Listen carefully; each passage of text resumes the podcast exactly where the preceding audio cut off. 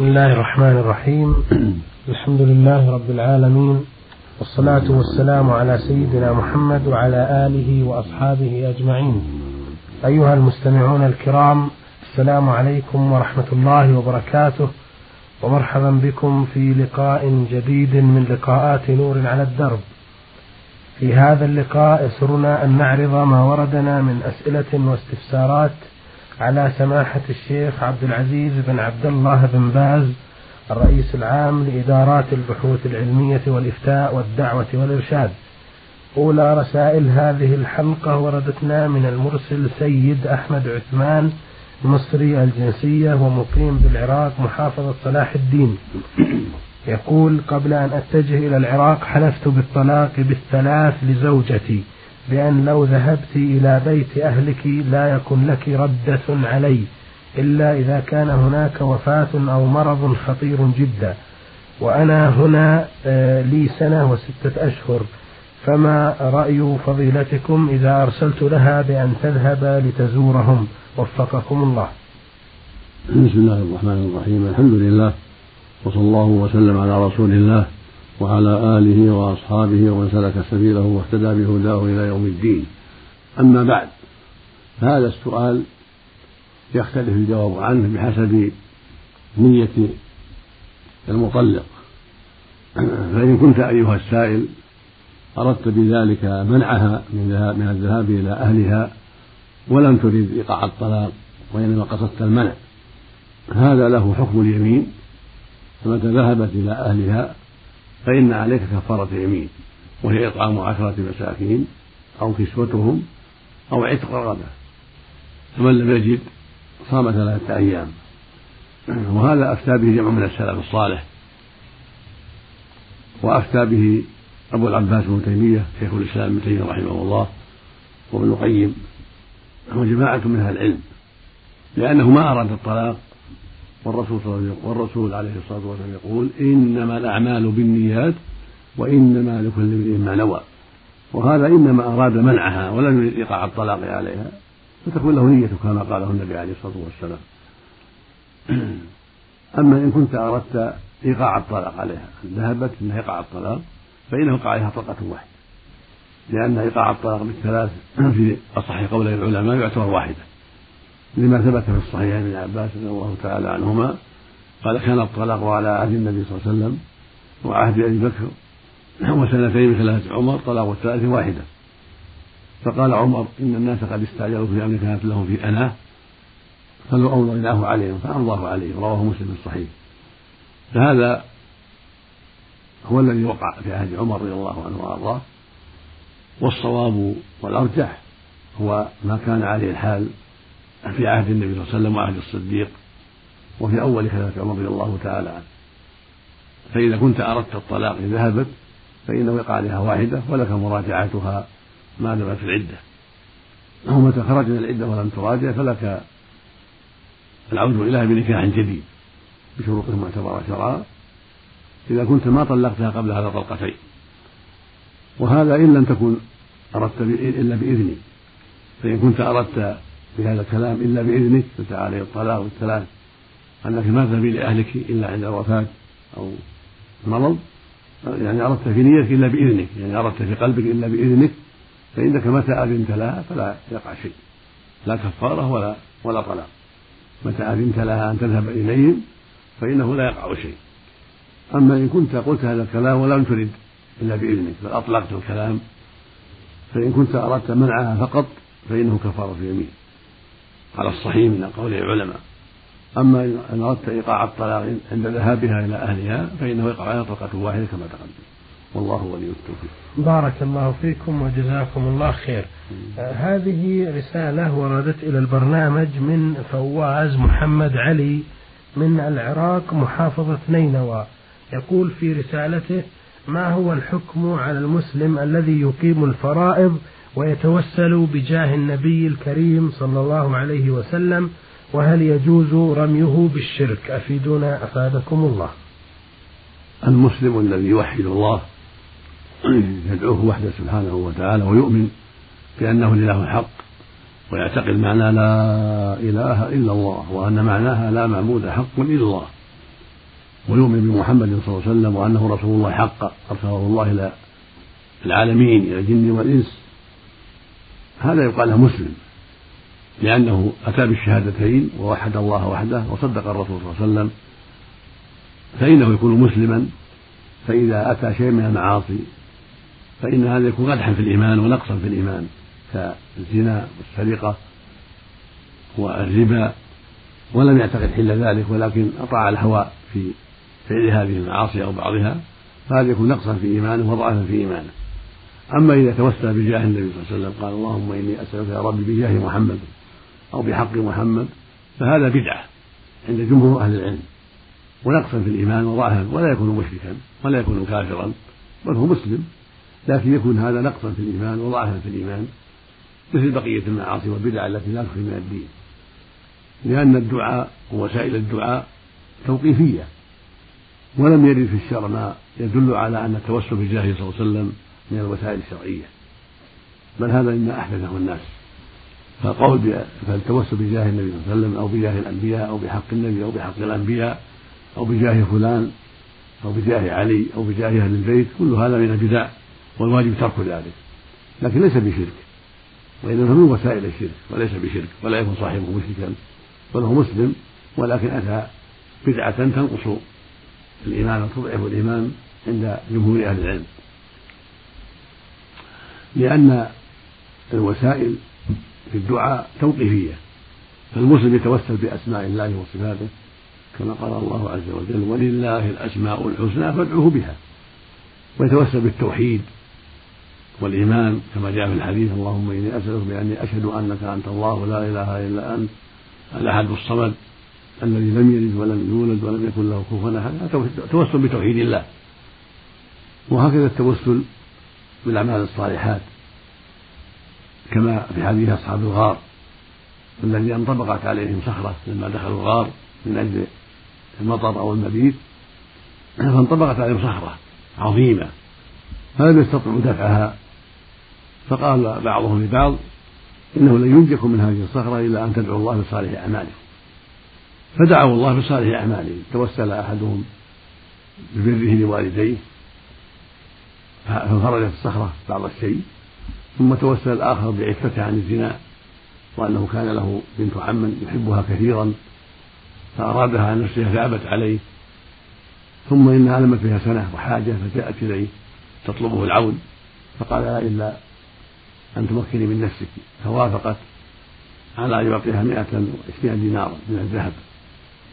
فلما جلس بين رجليها قالت اتق الله ولا تفض الخاتم إلا بحق.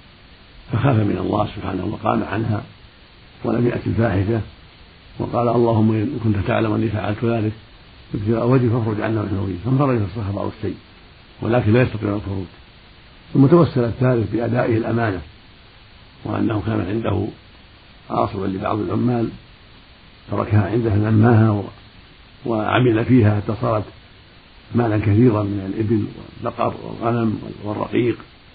فلما جاء صاحبها أداها إليه كلها كاملة. فقال يا رب إن كنت تعلم أني فعلت ذلك ابتغاء وجهك فاخرج عنا نحن فيه فانفرجت الصخرة وخرجوا.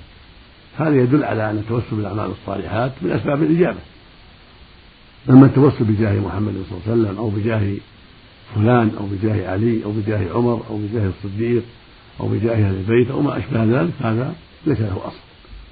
ولكن يتوسل بإيمان. فيقول اللهم إني بإيماني بنبيك بإيماني بك بمحبتي لك بمحبة نبيك عليه الصلاة والسلام. هذا طيب هذه وسيلة طيبة. أو يتوسل بالتوحيد. اللهم إني أشهد بأنك أنت الله لا إله إلا أنت بأني أشهد أنك أنت الله لا إله إلا أنت بأنك الواحد الأحد. كل هذا طيب. أو يتوسل إلى الله ببره والديه أو بمحافظة على الصلوات أو بعفته عن الفواحش. كل هذه أعمال صالحة. هذا هو الذي قرره أهل العلم وأهل التحقيق من أهل البصيرة. أما التوسل بجاه نفسه بجاه فلان أو بحق فلان فهذا بدعة والذي عليه جمهور أهل العلم أنه غير مشروع. نعم. بارك الله فيكم وجزاكم الله خير. سؤال الأخ فواز محمد علي آه، الثاني يقول فيه آه، نحن إخوة في الله. نخرج يوم الجمعة في سفرة إلى منطقة تقع ضمن حدود المدينة ويبلغ عددنا عشرون ونقيم صلاة الجمعة خطبة الجمعة مع الصلاة. فهل صلاتنا تجزئ أو مقبولة أم لا؟ إن كنتم مسافرين فالمسافر ليس عليه جمعة. إن كانت مسافة طويلة تعد تعد سفرا فإن المسافر ليس عليه جمعة ولا تصح. وعليكم تصلوا ظهرا قصرا اثنتين السنة أن تقصرها اثنتين وإن كنتم حول البلد قريب البلد تسمعون الأذان أو يمكنكم سماع الأذان فعليكم تصلوا الجمعة مع الناس. فأما إن كنتم لستم لستم مسافرين وبعيدين عن محل الجمعة فإنكم تصلون ظهرا. وليس لكم تصلوا الجمعة لأن الجمعة إنما تقام في المدن والقرى لا في الصحاري ولا في البوادي ولا في الأسفار. الواجب عليكم إن كنتم قريبين أن تصلوا مع الناس جمعة. وإن كنتم بعيدين فإن كنتم مسافرين في حكم مسافرين صليتم ظهرا قصرا هذا هو الأفضل. وإن كنتم قريبين لستم مسافرين ولكنكم لا تستطيعون حضور الجمعة لبعدكم فإن تصلونها ظهرا أربعة. هذا هو الواجب وهذا هو الذي قرره أهل العلم. والله أعلم. نعم. يعني الذين يخرجون للتنزه يوم الجمعة. إن كانوا بعيدين يعني مثل سبعين كيلو ثمانين كيلو عن البلد صلوا الظهر قصرا. نعم. لأنهم مسافرون إن كانوا قريبين في ضواحي المدينة ثلاثين كيلو عشرين كيلو خمسة وعشرين كيلو تقريبا أربعين كيلو هؤلاء يصلون ظهرا أربعة ولا يصلوا الجمعة بارك الله نعم. لكن كانوا قريبين يسمعون النداء في طرف البلد وجب عليهم أن يصلوا الجمعة نعم. مع الناس. بارك الله فيكم. آه له سؤال ثالث وأخير يقول فيه يسمي بعض الناس عندنا العلماء في المملكة العربية السعودية بالوهابية. فهل ترضون بهذه التسمية وما هو الرد على من يسميكم بهذا الاسم؟ نعم هذا لقب مشهور. هذا لقب مشهور لعلماء التوحيد لعلماء نجد. ينسبونهم إلى الشيخ الإمام محمد بن عبد الوهاب رحمة الله عليه لأنه دعا إلى الله عز وجل في النصف الثاني من القرن الثاني عشر واجتهد في إيضاح التوحيد وبيان الشرك للناس. حتى هدى الله به الجنة الغفير ودخل الناس في توحيد الله وتركوا ما هم عليه من أنواع الشرك الأكبر من عبادة أهل من عبادة أهل القبور ومن البناء على القبور وعبادة الأشجار والأحجار والغلو في الصالحين. فصارت دعوته دعوة تجديدية إسلامية عظيمة نفع الله بها المسلمين في الجزيرة العربية وفي غيرها. رحمه الله رحمة واسعة. وصار أتباعه ومن دعا بدعوته ونشأ على هذه الدعوة في نجد يسمى بالوهابي. وكان هذا اللقب علما على أهل التوحيد. كل من دعا إلى توحيد الله ونهى عن الشرك وعن التعلق بالقبور أو التعلق بالأشجار والأحجار وأمر بالإخلاص لله سماه وهابيا. وهو لقب شريف عظيم يدل على أن من وقب به من أهل التوحيد ومن أهل الإخلاص لله وممن ينهى عن الشرك بالله وعن عبادة القبور والأشجار والأحجار والأصنام والأوثان. هذا هو أصل هذه التسمية وهذا اللقب. هو نسبة إلى الشيخ الإمام محمد بن عبد الوهاب بن سليمان بن علي التميمي الحنبلي الداعي إلى الله عز وجل رحمه الله رحمة واسعة.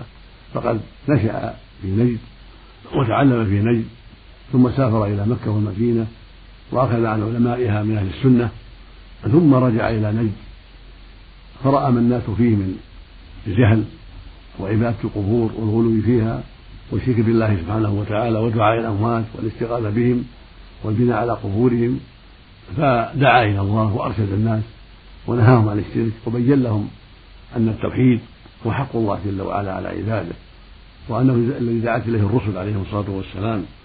وبين لهم معنى لا إله إلا الله وأن معناها لا معبود حق إلا الله. فهي نفي وإثبات تنفي الإلهية عن غير الله وتثبت العبادة لله وحده سبحانه وتعالى. كما قال عز وجل ذلك بأن الله هو الحق وأن ما يدعون من دونه هو الباطل. قال سبحانه إياك نعبد وإياك نستعين. قال عز وجل وما أرسلنا من قبلك من رسول إلا نوحي إليه أنه لا إله إلا أنا فاعبدون. قال سبحانه وقضى ربك ألا تعبدوا إلا إياه. قال عز وجل فادعوا الله مخلصين له الدين ولو كره الكافرون. قال سبحانه وما أمروا إلا ليعبدوا الله مخلصين له الدين حنفاء. فالشيخ رحمه الله ومحمد بن الوهاب قام بهذه الدعوة في النصف الثاني من القرن الثاني عشر. وكان ذلك في العيينة. وهي بلدة قريبة من الرياض دعا إلى الله فيها. ونشر التوحيد وصارت عنده حلقة عظيمة في التعليم ثم انتقل لأسباب معروفة إلى الدرعية وتلقاه أميرها محمد بن سعود وبايعه على الدعوة إلى الله عز وجل وعلى نشر الإسلام في الدرعية وما حولها فنفع الله بذلك وتعاون الشخصان الشيخ محمد بن عبد الوهاب والشيخ محمد بن سعود جد العائلة المالكة الآن فتعاونا في سبيل الدعوة. وكان ذلك في عام ثمان وخمسين ومائة وألف. في عام ألف ومائة وثمانية وخمسين. هذا بعد الدعوة في الدرعية بعد أن انتقل من العيينة فانتشر الإسلام هناك وأزيلت القباب التي على القبور وانتشر التوحيد بين الناس وعرفوا حقيقة معنى لا إله إلا الله. ثم قامت دولة آل سعود في بقية الجزيرة وانتشر أمر التوحيد في أطراف الجزيرة فنفع الله بهذه الدعوة نفعا عظيما وظهر بها الحق وانتصر بها أهل التوحيد وصارت علما لأهل التوحيد في كل مكان. ثم انتشر هذه الدعوة أيضا في اليمن وفي جهات كثيرة من الهند من الهند وغير الهند والشام والعراق ومصر.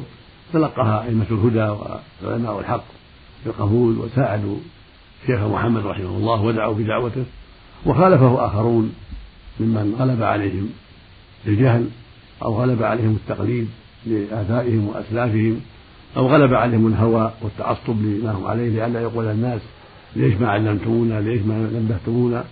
فعادوا هذه الدعوة وكتبوا كتابات باطلة ولكن نصر الله نصر الله الدعوة وأهلها واستقام أمر التوحيد في الجزيرة وانتشر أمر الله بحمد الله فصار أتباع هذه الدعوة ومن يدعو إلى توحيد الله من علماء التوحيد من علماء النجد يلقب بالوهابي فهو لقب معروف شريف وليس بمستنكر بل هو لقب لأهل التوحيد والإيمان لأهل الدعوة إلى الله عز وجل. وهكذا انتشر هذا اللقب. إذا رأوا من يدعو إلى الله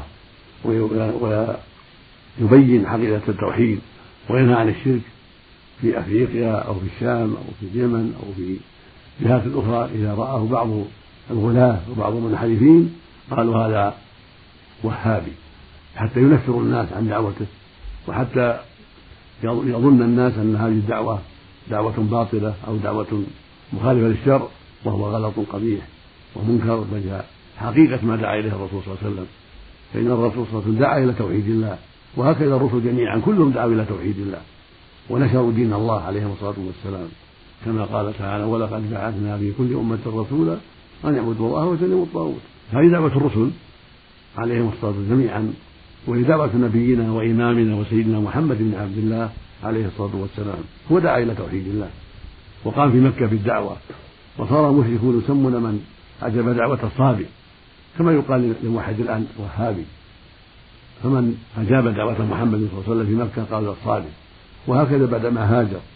لكن الله نصر الدعوة وأيد نبيه محمد صلى الله عليه وسلم وانتشرت الدعوة في مكة وفيما حولها ثم هاجر عليه الصلاة والسلام إلى المدينة وانتصرت الدعوة وقام سوق الجهاد وصارت المدينة معقل الإسلام ومدينة الإسلام والعاصمة الأولى للإسلام والحمد لله.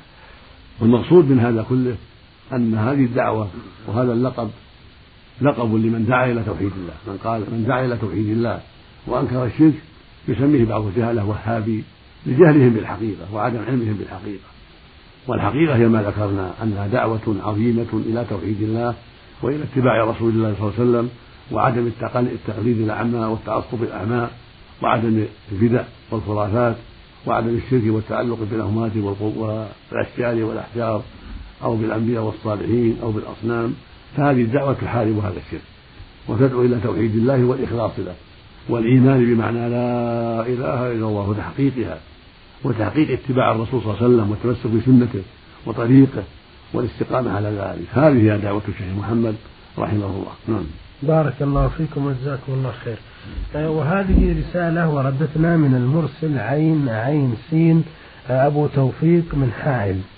يقول آه، أرجو عرض أسئلتي على فضيلة الشيخ عبد العزيز بن عبد الله بن باز. ويقول في أولها هل يجوز أن يقال للكافر يا سيد مثل أن يكتب بالفاتورة أو غيرها السيد فلان وهو يعلم أنه كافر أو أثناء الحديث معه بالإنجليزي مثلا مستر فلان وإذا كان لا يجوز أن يقال للكافر يا سيد فما الدليل أفيدونا أفادكم الله. نعم لا يقال للكافر سيد ولا للفاسق سيد لأنه ورد عن النبي صلى الله عليه وسلم أنه قال لا تقل لفاسق سيدا فنهى النبي صلى الله عليه وسلم هذا الشيء. فلا ينبغي للمؤمن لأن السيد فلا ينبغي أن يقول للكافر والفاسق سيد لأن هذا وصف رفيع وصف عظيم والسيد الرئيس والكبير والفقير فلا ينبغي أن يقال للكافر بالله أو المعروف بالمعاصي الظاهرة لا يقال سيد. بل يقال يدعى به لا باسمه المعروف فلان أو أبي فلان كما قال النبي صلى الله عليه وسلم في عبد الله بن أبي ما فعل أبو الحباب فإذا دعي بلقبه أو باسمه أو قيل فلان المدعو كذا وكذا فلا فلا بأس يكفي هذا. أما أن يقال السيد فلان أو يأتى بما هو أعظم من ذلك فلا يجوز لكونه كافرا أو فاسقا معروفا بالفسق. ولا حول ولا قوة إلا بالله. نعم. بارك الله فيكم. يسأل أيضا ويقول سمعت من بعض طلبة العلم إنكارهم على من خطب الجمعة وترك ما اعتاده الخطباء من ختم الخطبة الأولى من الجمعة بقول الخطيب دائما. أقول قولي هذا وأستغفر الله لي ولكم من كل ذنب. فاستغفروه إنه هو الغفور الرحيم. أو ختم الخطبة الثانية بقوله إن الله يأمر بالعدل والإحسان. الآية. ومن ترك هذا أنكر عليه حتى قال طالب علم ترك هذه الآية وعدم ختم الخطبة بها بدعة ومخالف للسنة. أفتونا جزاكم الله خير. لا حرج في ترك ما ذكر فلا حرج أن يترك الخطيب. وأقول قولي هذا وأستغفر الله. ولا حرج أن يترك الآية إن الله يأمر بالعدل والإحسان في الخطبة الثانية. كل هذا لا حرج فيه. فمن قال ذلك فلا بأس ومن ترك ذلك فلا بأس. وختمها بالصلاة على النبي صلى الله عليه وسلم أو بآية أخرى كل هذا لا حرج فيه. والذي يقول إن ترك هذا بدعة هذا غلط ليس عنده خبر. والختم بهذه الآية يروى عن عمر بن عبد العزيز أنه كان يختم بهذه الآية. وأما أقول قولي هذا وأستغفر الله فيروى عن النبي صلى الله عليه وسلم. فبكل حال أن هذا ليس بأمر لازم. وختم الخطبة أقول قولي هذا أو بآية الكريمة كله ليس بلازم بل إذا نوع الخطيب ختم الخطب. بأنواع منوعة من صلاة على النبي صلى الله عليه وسلم ومن آيات أخرى أو أحاديث كله حسن حتى لا يظن الناس أن هذا شيء لازم. لأن الناس لأن الخطيب يلتزم بهذه الآية وبقول أقول قولي هذا يظن بعض الناس أن هذا شيء لازم وأنه سنة مؤكدة ولا تركه بدعة كما ظنه من قلت عنه. ولكن متى نوع الخطيب؟ فترة يأتي بهذه الآية؟ وتارة لا يأتي بها؟ وتارة يأتي بقول أقول قولي هذا وأستغفر الله؟ وتارة لا يأتي به؟ علم الناس أن الأمر واسع وأنه لا حرج في ختم الخطب بهذه الآية وبغيرها وبقول هذا وبغيره حتى يكون هذا شيئا يكون هذا الأمر واضحا للناس وبينا فلا يقع الناس في الغلط. والله ولي التوفيق. نعم. بارك الله فيكم وجزاكم الله خير. آه هذه رسالة من المرسل ميم قاف لام من جيزان. يقول هناك رجل طالب علم يصلي ويصوم ويتصدق لكن مع الأسف قد هجر أمه فهل صلاته وصومه وصدقته تنفعه؟ وهو هاجر لأمه لا يلتفت إليها وهي مؤمنة تصلي وتصوم ونحن نعرفها بذلك. على كل حال هجره لأمه منكر وعقوق عظيم. يجب عليه التوبة إلى الله من ذلك وعليه أن يرجع إلى برها والإحسان إليها. والأخذ بخاطرها واستسماحها هذا الواجب عليه. وليس له أن يبقى على الهجر على العقوق بل هذا منكر عظيم وكبيرة عظيمة يجب عليه تركها واستسماح والدته وطلب رضاها والتوبة إلى الله من ذلك سبحانه وتعالى. أما صلاته وصومه وعباداته فلا فلا تبطل بل عباداته صحيحة وأعماله صحيحة إذا أداها الوجه الشرعي ولكن يكون إيمانه ضعيفا يكون إيمانه ناقصا بهذه المعصية. فإن المعاصي عند أهل السنة تنقص الإيمان وتضعف الإيمان ولكن لا تكفر صاحبها نعم. إنما يكفر عند الخوارج الذين يكفرون بالذنوب وهم ظلمة فجرة في هذا قد أخطأوا وغلطوا عند أهل السنة والجماعة. أما أهل السنة فيقولون لا المعصية تنقص الإيمان ولكن لا لا يكون صاحبها كافرا ولا مخلدا في النار بل هو عاصي ومعصيته تنقص إيمانه تضعف إيمانه آه، تسبب غضب الله عليه وعلى خطر منها من دخول النار ولكن لا يكون كافرا حتى ولو دخل النار لا يخلد فيها. هكذا أهل التوحيد عند أهل السنة والجماعة لا يخلدوا في النار إذا دخلوها بمعاصيهم فالحاصل أن هجر أمه معصية وكبيرة وعقوق ولكن لا يكون ذلك من أسباب كفره ولا بطلان عمله. إلا إذا استحل ذلك ورأى أن عقوق الوالدين حلال هذا يكون كافر نعوذ بالله. من من استحل عقوق الوالدين وأنه حلال أو استحل الربا ورأى أنه حلال أو استحل الزنا ورأى أنه حلال هذا يكون كافر مرتد عن الإسلام. إلا يكون مثله يجهل كالبعيد عن الإسلام الذي نشأ في بلاد بعيدة عن الإسلام يعلم إذا بين له أن هذا مما فرضه الله في الوالدين مما فرضه الله وأن عقوقهما مما حرم الله إذا علم وبين ثم أصر يكون كافرا هذا طالب علم يا شيخ. إذا كان طالب علم على كل حال تكون كبيرة أشد نسأل الله. جزاكم الله خير نعم. وبارك الله فيكم. لهذا أيها الإخوة المستمعون الكرام نأتي إلى ختام هذه الحلقة والتي استعرضنا فيها رسائل سيد أحمد عثمان مصري الجنسية وفواز محمد علي من العراق محافظة نينوى وعين عين سين أبو توفيق من حائل وسؤال من رسالة ميم قاف لام من جيزان ونعد بإذن الله بعرض بقية أسئلته في مستهل الحلقة المقبلة إن شاء الله. نشكر سماحة الشيخ عبد العزيز بن عبد الله بن باز آه، على إجاباته ونشكر لكم حسن متابعتكم وإلى أن نلقاكم على خير نستودعكم الله والسلام عليكم ورحمة الله وبركاته.